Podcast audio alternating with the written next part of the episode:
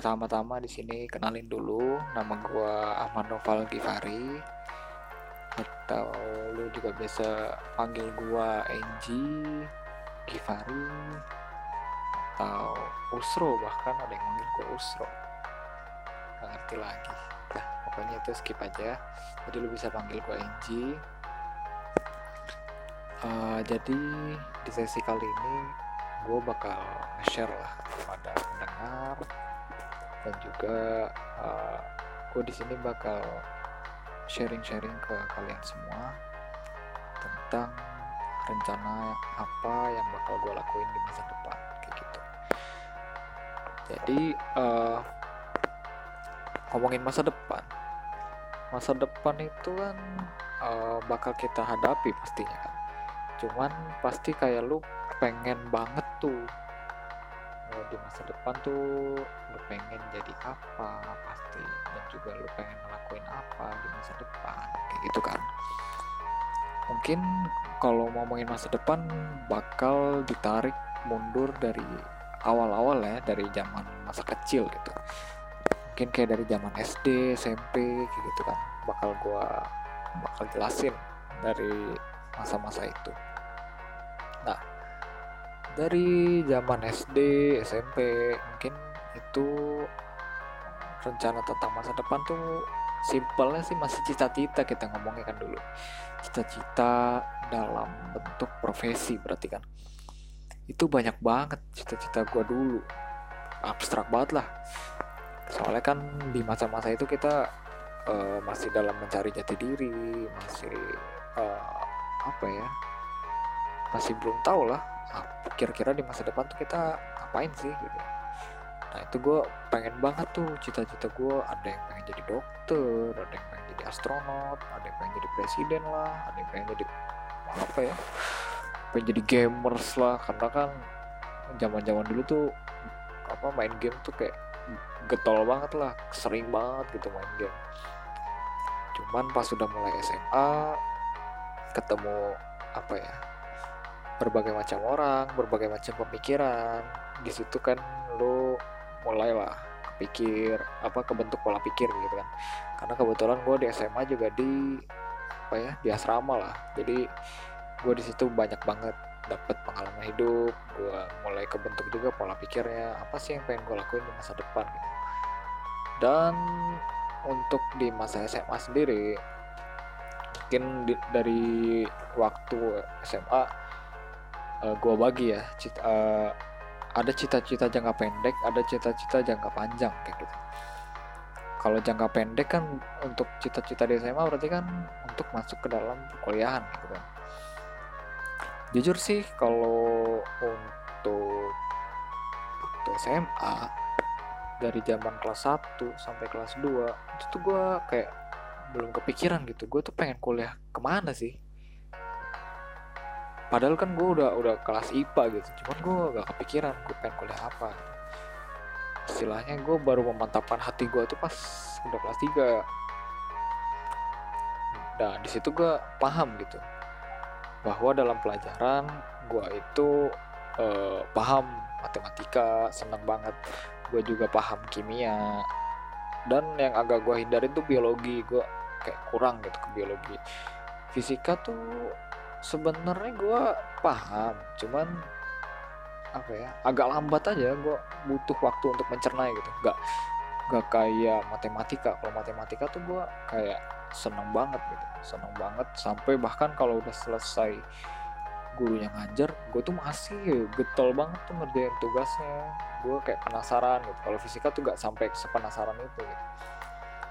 Itu gue udah paham apa kekurangan gue apa kelebihan gue akhirnya pas menjelang kan ada SNMPTN tuh yang apa jalur masuk via jalur rapot untuk ke PTN nah itu uh, gue konsul sama bapak gue gue konsul dengan guru bimbingan konseling gue dan itu ya kalau untuk bapak gue sendiri kan karena alumni teknik kimia ya mungkin.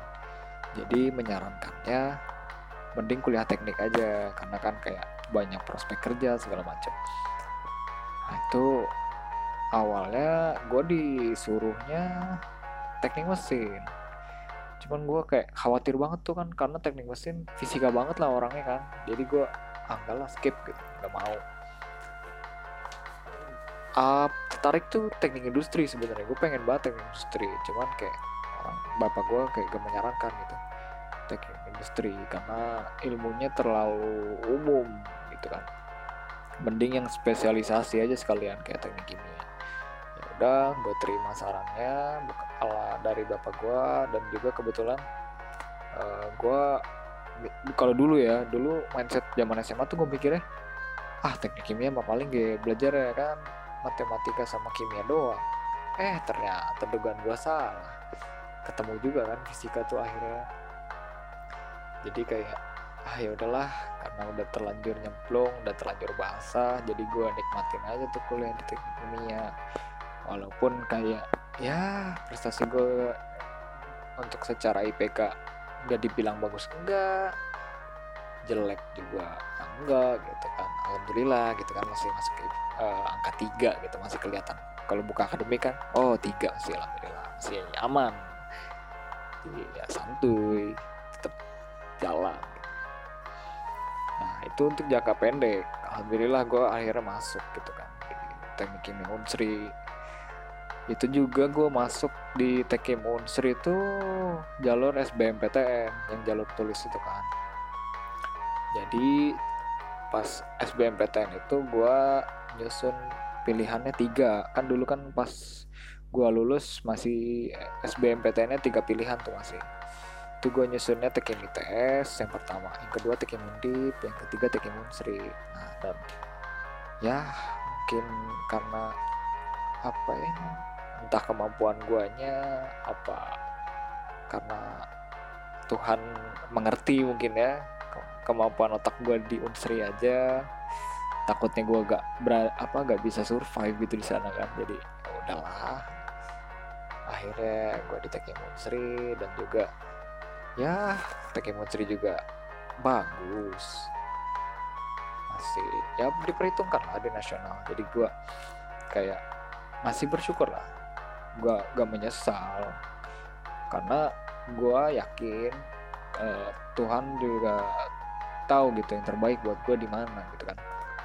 Jadi gue syukuri aja uh, apa apa yang gue dapet. Karena jadi pas itu pas udah dapet SBMPTN gue gak gak ikut ujian mandiri lagi gitu. Karena uh, eh, gue mikir kayak ya udahlah gue udah dapet di jalur SBMPTN gitu kan. Dan juga kalau misalnya ikut ujian mandiri kan biasanya ujian mandiri ada ini kan ada uang pangkal terus juga belum lagi UKT-nya bisa yang apa ditaruhnya paling mahal gitu. Gue apa ya gak mau terlalu ngebebanin orang tua lah. Makanya itu gue penting seri terkait cita-cita jangka panjang ya mungkin kalau gue mikirnya kalau habis kuliah gue sih orangnya basic-basic aja ya. Gue tuh orangnya nggak mau terlalu apa sih keluar dari zona nyaman gitu. Karena kalau gue keluar dari zona nyaman gue orangnya panikan gitu. Gue takutnya uh, mencapai mencapai target yang diinginkan gitu. Jadi ya gue bakal melakukan apa sih apa yang dilakukan orang aja yang pada umumnya yang mungkin habis lulus gue langsung pengen nyari kerja gue pengen dapet penghasilan gitu. Karena kan gue juga kebetulan anak pertama dari empat bersaudara gitu kan. Adik-adik gue tuh ada yang dua SMA sama satu lagi SD paling kecil. Jadi gue pengen setelah dapat penghasilan itu gue langsung membantu orang tua gue gitu. Apa membantu adik gue pendidikan gue biayain gitu kan. Gue biayain pendidikan adik gue juga di situ gue juga sambil apa ya, nabung gitu. Gue pengen ya entah membangun rumah atau membeli rumah gitu. Gue pengen punya rumah dulu pengen punya rumah dulu. Setelah apa ya seluruh pendidikan adik gue nih aman lah udah selesai semua mungkin gue juga bisa gitu nyari pasangan hidup kali ya. Gue mungkin nikah gitu kan cari jodoh nggak tahu di mana. Ya nggak tau lah. Asalkan ada yang mau aja sama saya mah. Gitu sih. Karena kan uh, rencana yang kita buat itu semuanya harus kita usahakan kan. Kita harus bertindak gimana caranya mencapai target kita. Dan juga jangan lupa selalu meminta lah kepada Tuhan gitu. karena istilahnya kita hidup di dunia juga karena Tuhan kan masa kita lupa gitu terhadap Tuhan kita juga harus meminta harus taat padanya gitu. harus seimbang lah antara dunia dan akhirat itu juga kalau misalkan ngomongin yang berkaitan dengan mata kuliah technopreneurship ini ya gue pikir eh, orang-orang yang masuk ke gue ngomongnya spesifik ya di jurusan teknik kimia kan. Kayak nggak semuanya emang passion bukan passion sih. Mungkin potensi dia tuh nggak nggak sepenuhnya di teknik kimia gitu. Mungkin mereka yang masuk masuk teknik kimia ini punya potensi di bidang lain gitu. Karena seperti yang udah gue tonton di uh, perkuliahan yang disampaikan oleh Pak Budi Santoso itu tuh uh, setiap orang tuh punya potensi masing-masing gitu. Di mana potensi itu akan berkembang jika ditempatkan dalam lingkungan yang tepat gitu kan.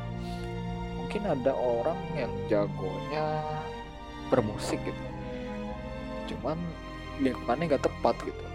Jadi gak, gak terkembangkan secara maksimal.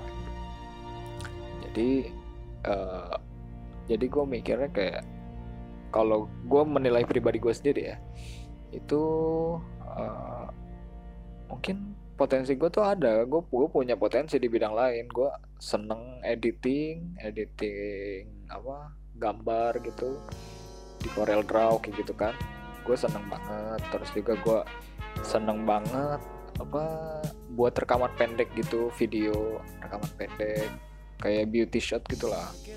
Atau juga uh, ngedit-ngedit foto gua gua edit kecerahannya segala macam biar jadi foto yang mau diposting itu lebih cantik kayak gitu kan. Gue gue punya potensi di bidang yang lain cuman ya mungkin kurang maksimal aja dengan jurusan kuliah gue gitu.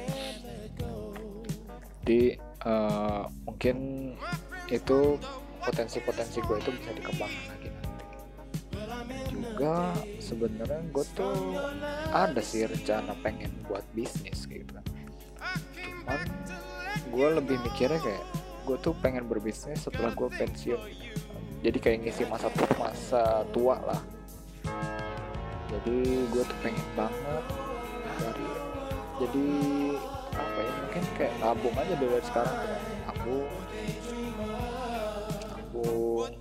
mungkin nabung gue di sini tuh dalam bentuk emas batangan atau investasi dalam bentuk tanah. Karena kan investasi yang seperti itu kayak emas terus tanah atau bangunan itu kan harganya bakal selalu naik gitu. Karena tiap tahun orang tuh pasti butuh hunian tempat tinggal atau ruko segala macem. Makanya gue berpikir kalau untuk nabung invest segala macem tuh di situ dalam bentuk tanah dalam bentuk emas batangan jadi biar apa ya biar berkepanjangan lah tabungan gue tuh.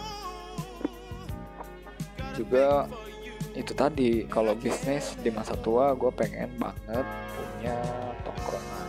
Kayak ya, warung kopi lah.